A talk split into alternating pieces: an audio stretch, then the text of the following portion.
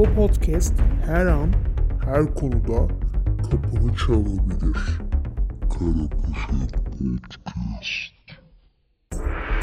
Kara Poşet Podcast'in 15. bölümünden herkese selamlar. Bugün sizin medyadan da onu eşcinsel hakem olarak tanıdığınız Halil İbrahim Dinçtağ ile bir röportaj gerçekleştirdik ve merak edilenleri kendisine sorduk. Seni ben tanıyorum. Yaşadıklarında medya aracılığıyla tanık oldum ama bilmeyen dinleyicilerim için kendini bana biraz tanıtabilir misin? Tabii memnuniyetle öncelikle e, iyi yayınlar diliyorum. E, şöyle e, ben Halil İbrahim Dinçdağ, 1976 Trabzon doğumluyum. 14 yıl aktif olarak futbol hakemliği yaptım. 17 yıl aralıksız e, rad, yerel radyo televizyon programcılığı ve köşe yazarlığı yaptım. Ancak 2011 yılından 2009 yılından beridir maalesef Türkiye'de ne radyo e, programcılığı yani medya işi ne de e, hakemlik yapamıyorum. Onun için böyle. Mesleğin baskıyla, ayrımcılıklarla aslında Türkiye'deki ayrımcılık yüzünden elinden alındı.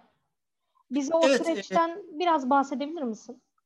Tabii. E, şöyle 2009 yılında askerlikten muaf raporu aldığım için e, aldıktan sonra maalesef Türkiye Futbol Federasyonu Merkez Hakem Kurulu e, askerlik yapmayanlar hakemlik yapamaz diye sağlık sorunları nedeniyle askerlikten muaf olanlar hakemlik yapamaz maddesi vardı.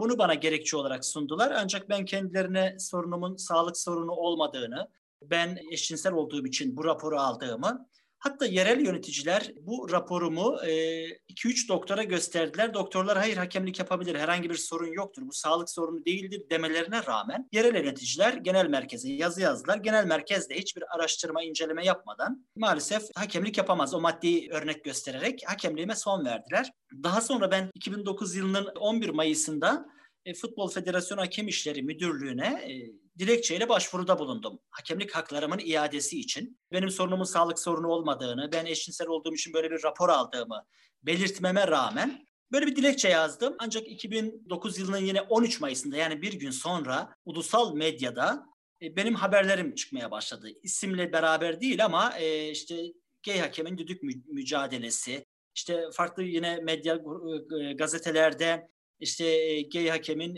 işte hakemlik yapması zor gibi manşetlerle çıktı haberler. Ve ben o haberlerle durumu öğrendim. Yani yazmış olduğum dilekçe açıkçası Futbol Federasyonu Hakem İşleri Müdürlüğü tarafından basına servis edildi. Çünkü o dönem ilk haberi yapan Fanatik Gazetesi yazarı Hakan Can'la telefonla görüştüm. Bana ben senin bu kadar üzüleceğini bilmiyordum ancak isim vermedi zaten sağ olsun. Yani gazetede de ismimi yazmadı ancak böyle bir haksızlık olduğunu ve bunun çok saçma olduğunu belirtmek için bu haberi yaptığını söyledi. Ve dilekçemi de Hakem İşleri Müdürlüğü'nde çalışan bir eski hakemden aldığını söyledi bana. Yani hukuksuz bir durum aslında değil mi? Tabii tabii yani biz hatta o zamanki avukatımla birlikte o süreçten sonra Futbol Federasyonu ile pek çok yazışmalar yaptık. Yani şunu söylüyorduk yazışmalarımızda. Evet böyle bir haksızlık yapıldı ancak gelin biz bu işi kendi içimizde çözelim. Yani biz bir aileysek, futbol federasyonu olarak biz bir aileysek ve ben de bu ailenin bir bireyiysem bu şekilde dışlanmak değil. Hani gelin bu sorunu içimizde çözelim. Nasıl ne yapabiliriz? Nasıl bu sorunu çözebiliriz diye pek çok kez yani en az beş kere dilekçeyle yazışmalar yaptık avukatımla birlikte.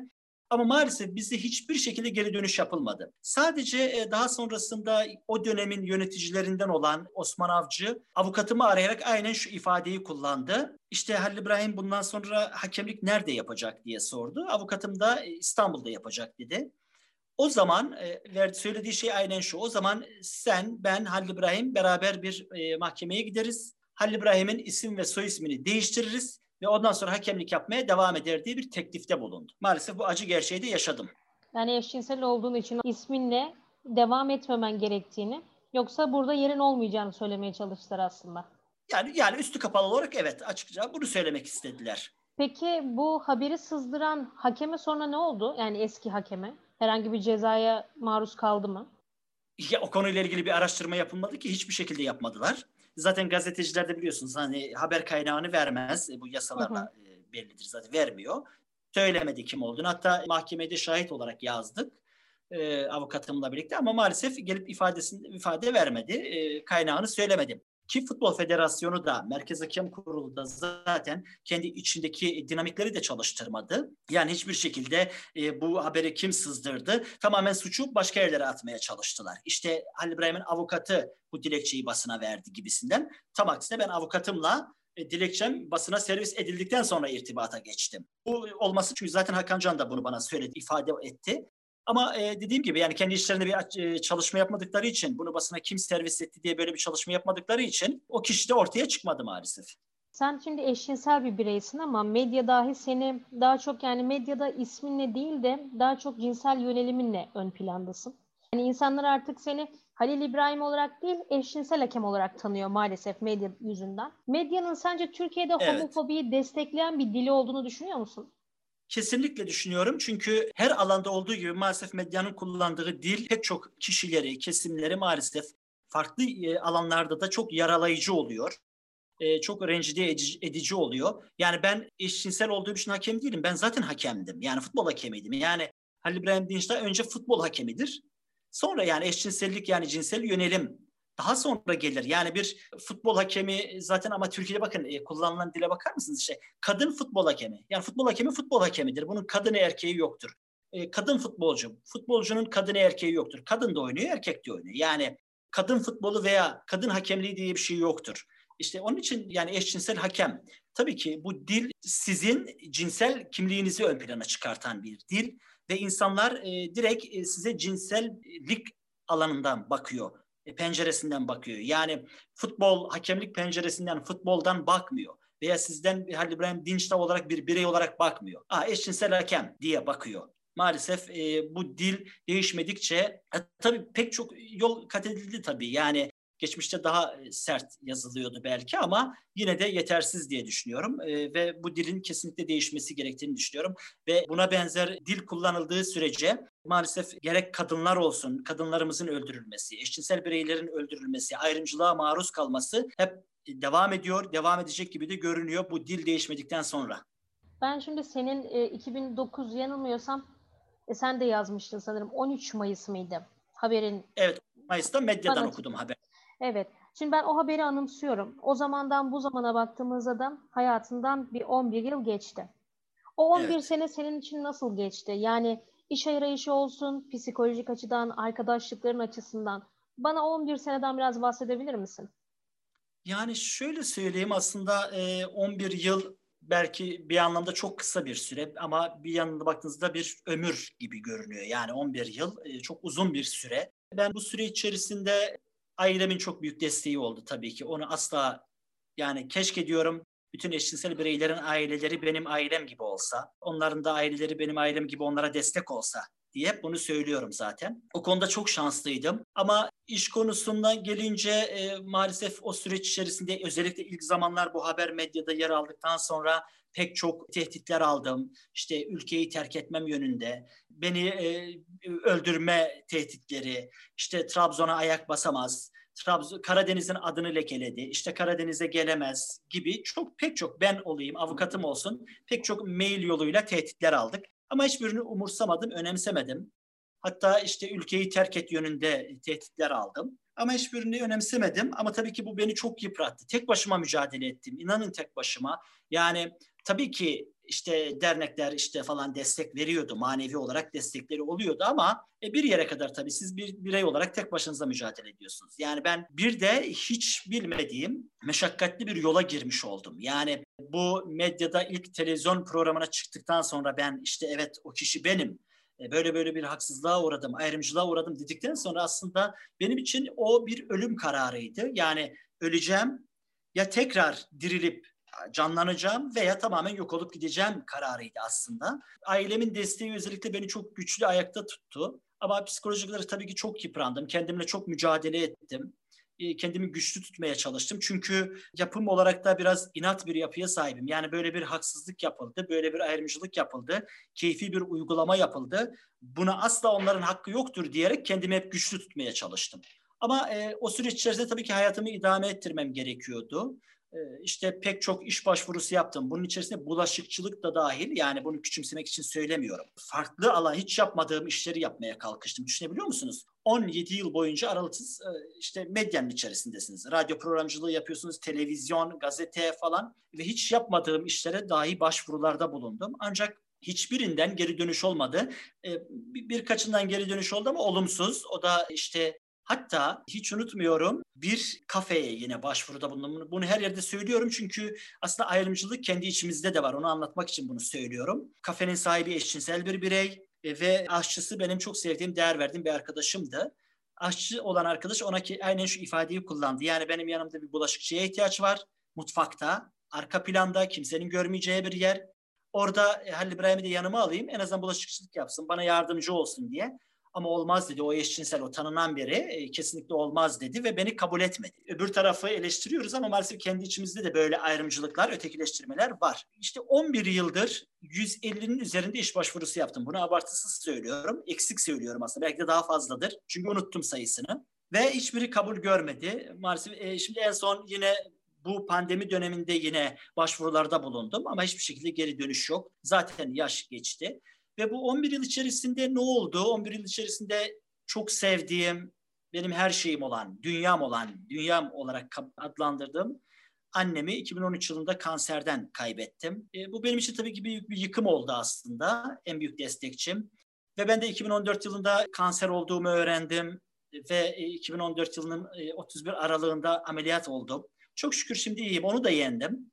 Atlattım. Sağlık sorunlarıyla uğraştım işsizlikle uğraştım ve halen daha da uğraşmaya devam ediyorum. Ama sağ olsun 2013 yılında İstanbul'da e, özel turnuvalar oluyor tabii futbol turnuvaları. İnsanlar kendi aralarında takımlar oluşturuyorlar. Eğlence amaçlı oynadıkları futbol turnuvaları oluyor. Bunlardan biri de İstanbul'da Efendilik diye bir futbol ligi. Sağ olsun onun kurucusu Bağış Erten bana hocam bizim böyle böyle bir ligimiz var.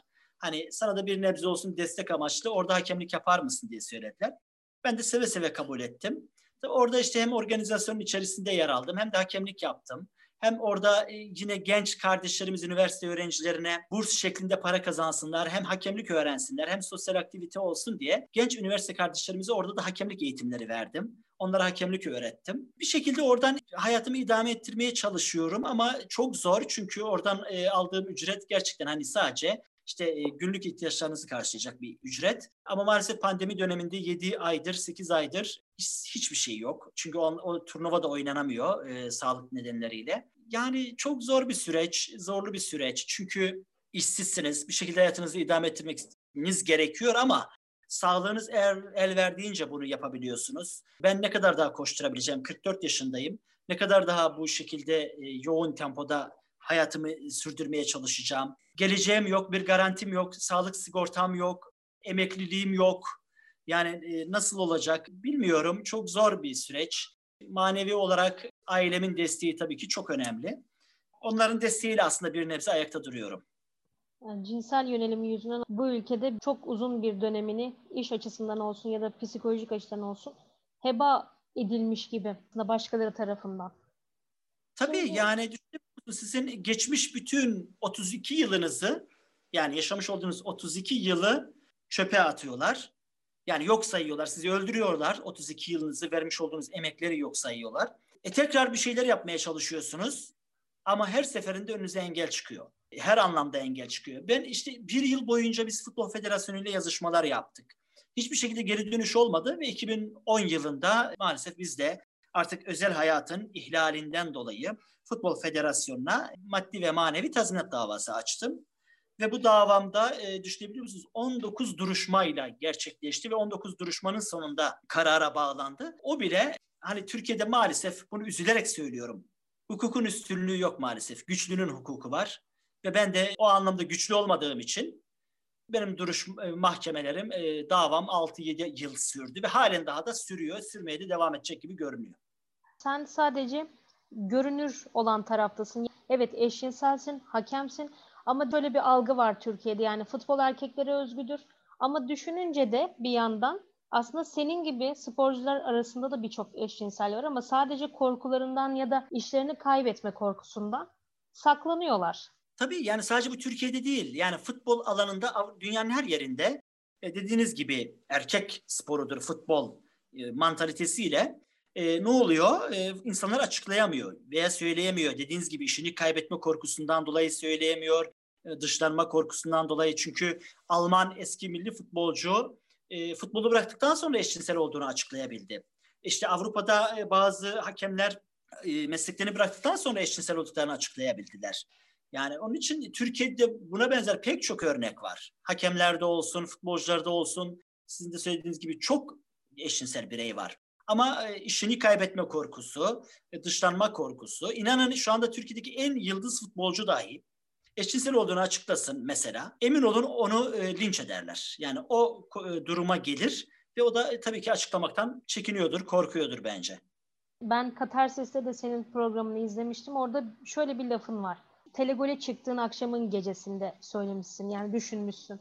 Bir tünele giriyorsunuz ve orada ışık yok diye. Evet. Neler hissettin o anda? Çünkü benim bildiğim kadarıyla senin ailen eşcinsel olduğunu bilmiyor ama sen e, bir programa katılarak bunu tüm Türkiye'ye anlatıyorsun o sırada. Evet.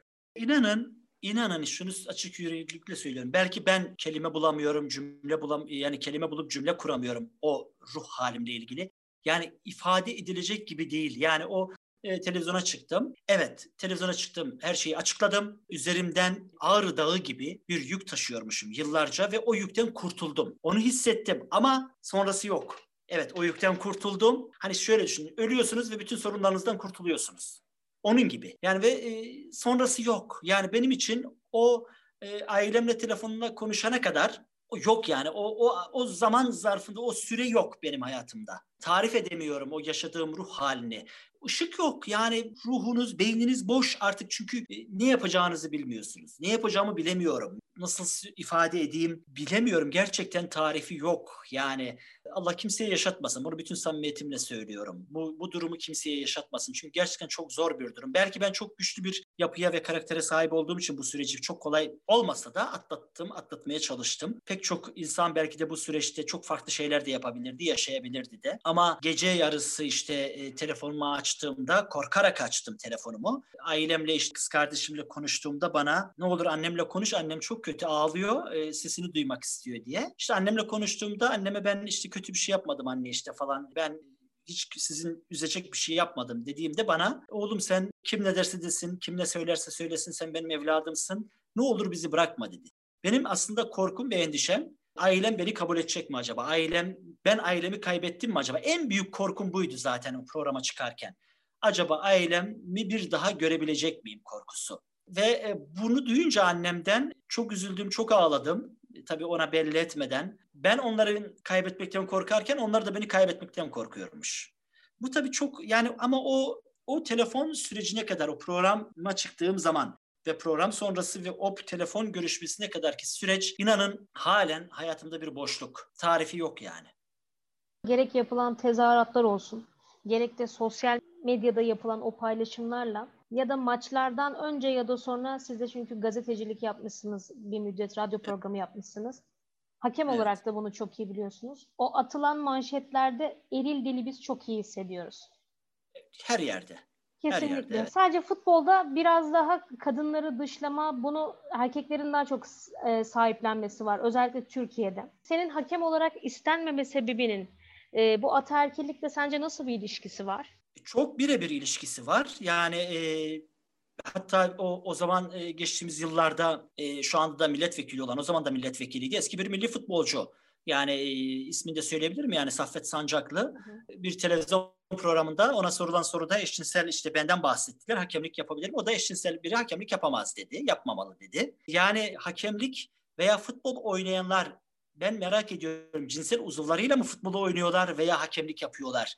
Yani ben işte bunu e, anlamakta güçlük çekiyorum. Tabii ki kesinlikle ve kesinlikle ataerkil e, toplumun o erkek kültürünün kullandığı dil maalesef e, çok büyük etkisi var. Ben hep şunu şuna benzetirim hakemliği ve taraftarı pek çok taraftar da dahil olmak üzere hayatta hiçbir şey yapamadıkları için maalesef tribüne gelip sözde deşarj oluyorlar. Ama ben şunu söylüyorum taraftarlar içerisinde de olsa tabii hepsini demiyorum. Ama futbolcularda ve taraftarların büyük bir bölümünde ve futbolcuların büyük bir bölümünde yöneticilerde olsun, antrenörlerde olsun Pek çoğu da eşcinseller var ve e, bunlar e, maç esnasında ve türbünde bu sadece futbolda değil her alanda dediğiniz gibi sizin de voleybol, basketbol her yerde maalesef her yerde o maçoluk maskesini takarak aslında kendilerini kandırarak maske takarak stada geliyorlar, taraftarlık yapıyorlar veya futbol oynuyorlar veya yönetiyorlar. Onlar da bana göre kendilerini kandırıyorlar. Kandırdıklarını sanıyorlar veya. 44 yaşındayım dedin ama yine de hiçbir şey için geç değil. Bu saatten Evet. sonra hayatında planladığın neler var? Ya şöyle söyleyeyim ben bundan iki buçuk, üç yıl önce zaten çok eskiden beri projem vardı aslında kafamda. 44 yaşındayım. Sağlığımda artık e, yani şu anki e, kondisyon olarak olsun lisanslı hakemlik yapmam çok zor. Çünkü sağlık nedeniyle. Ama tek hedefim var aslında. Tek değil birkaç hedefim var. Birincisi Merkez Hakem Kurulu Başkanlığı aslında. O işe talip olduğumu iki buçuk, üç yıl önce açıklamıştım. Medyada da bu haberler çıktı. Hatta TRT Spor'da dahi Levent Özçelik'le Rıdvan Dilmen bu adaylığımı konuştular. Rıdvan Dilmen tabii ki olabilir, herkes olabilir diye bir açıklama yapmıştı. Hatta ben açı, tabii bunu söylerken e, sadece iş olsun diye veya o koltuğa, o koltuğa oturmak için bunu söylemiyorum. Benim projelerim var. 16, 17 tane proje var. Projelerin hayata geçirilmesi için Türk hakemliğinin aslında geleceğini yani şimdiki yöneticiler maalesef geçmişten günümüze kadar bugün de dahil hep günü kurtarmak için o koltuklarda oturdular. Hep onlara Merkez Hakem Kurulu Başkanı ve üyesi densin diye o koltuklarda oturdular ve oturuyorlar. Benim amacım tamamen Türk hakemliğinin geleceğini kurtarmak, anayasasını oluşturmak, sağlam temeller üzerine oturtmak. Yani her gelen yöneticinin keyfi uygulamalarına son vermek için bu işe talip olduğumu söyledim, açıkladım ve benim ekibim de hazır zaten çok genç, dinamik, eski, tanınan, bilinen eski hakemler ve üye sayısının tamamen değişeceği, üyelerin içerisinde kadın, eski kadın hakemlerin de bulunacağı bir sistem olacak. Böyle bir hedefim var. Bunu gerçekleştirmek için çalışacağım, mücadele edeceğim. Bir diğer hedefim de aslında daha çok sesimizi duyurmak, insan hakları ihlallerinin önüne geçmek. Bu sadece eşcinseller için değil, Türkiye'de maalesef pek çok ihlaller yaşanıyor.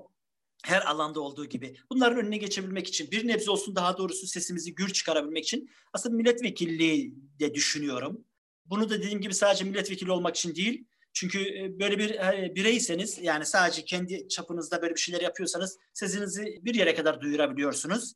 Ama milletvekili olursanız veya Merkez Hakem Kurulu Başkanı yöneticisi olursanız sesiniz daha gür çıkar. Sizi herkes dinler. Bu sefer sizinle herkes görüşmek ister. Medya anlamında söylüyorum. Ve bu hedeflerimden biri de bu. Yine geçtiğimiz bu pandemi döneminde bir proje hayata geçirdim. Onu da sizlerle paylaşmak istiyorum. Türkiye'de hiç yapılmamış bir şey. Daha doğrusu Türkiye'de hiç hakemlerle ilgili böyle bir çalışma yapılmadı. Türkiye'de Türk futboluna damga vurmuş eski FIFA kokartlı erkek ve kadın hakemlerle söyleşiler yaptım, röportajlar yaptım. 8 erkek, 9 kadın hakemle e, röportajlar yaptım ve bunlarla ilgili güzel bir kitap çalışmam oldu. Şu anda yayın evlerine gönderdim. Onlardan haber bekliyorum. E, çıkarsa çok güzel bir çalışma olacak. Belki pek çok projenin de önünü açmış olacak. Dört Gözlü kitabın çıkmasını bekliyoruz o zaman. İnşallah diğer isteklerin hepsi de gerçekleşir. Sana İnşallah. tek bir sorum kaldı artık. E, eşcinsel bir bireysin aileni kaybetme korkusunu da yaşadın.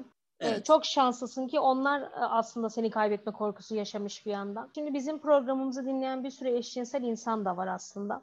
Onlara ne Evet. demek istersin? Yani e, kimliğini gizleyen, ailesinin onu reddetmesinden korkan eşcinsel bireylere ve aslında onun ailelerine ne demek istersin?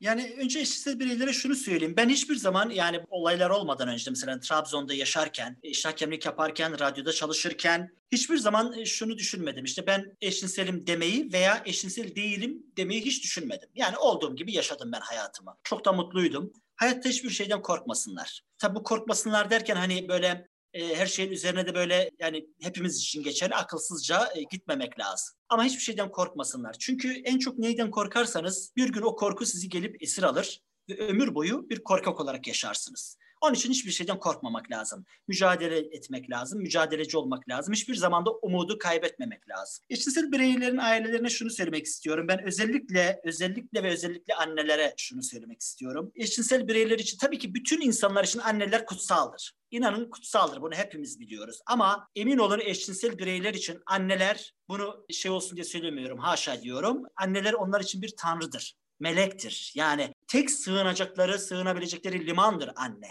Ve lütfen anneler çocuklarına sahip çıksın. Mutlaka anneler mutlaka hisseder çocuğunu, evladını. Ama e, konduramayabilir, dillendirmek istemeyebilir. Ama lütfen böyle bir şey olursa da özellikle anneler çocuklarına sahip çıksınlar. Tabii ki babalar da sahip çıksın. Ee, babalar e, tabii ki bizde vardır biliyorsunuz işte benim erkek oğlum, erkek çocuğum var. Zaten eşcinsel bir birey. Bu erkeği de e, erkektir, kadını da kadındır zaten. Lezbiyen de bir kadındır yani. Bu, bu değişmiyor. Yani cinsi, cinsellik değişmiyor. Erkek kadın fark etmiyor. Ama lütfen sahip çıksınlar. E, dışlamasınlar, öldürmesinler. Çünkü emin olun dediğim gibi eşcinsel bireyler için her şeyden önce tabii eş dost önemli. Arkadaş, çevre, destek almak. Derneklerden olsun işte her yerden destek almak önemli tabii ki. Çok önemli, çok değerli. Ama eşcinsel bireyler için en önemli ve en önemlisi aile. Aileler de lütfen onları dışlamasın. Çok teşekkür ederim. Benim soracağım soruların hepsi bu kadardı. Ben teşekkür ediyorum. İçtenlikle cevap Ee, verdiğiniz için ve tanıştığım için de çok memnun oldum. Ben de çok teşekkür ediyorum. İnşallah verimli olur. Faydam olduysa ne mutlu bana.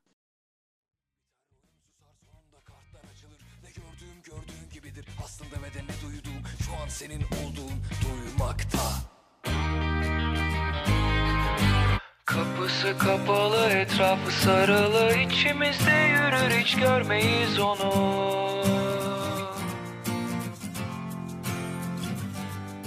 Sözleri fısıltı kalbinde nasıldı? Bir büyük her şey dağıldı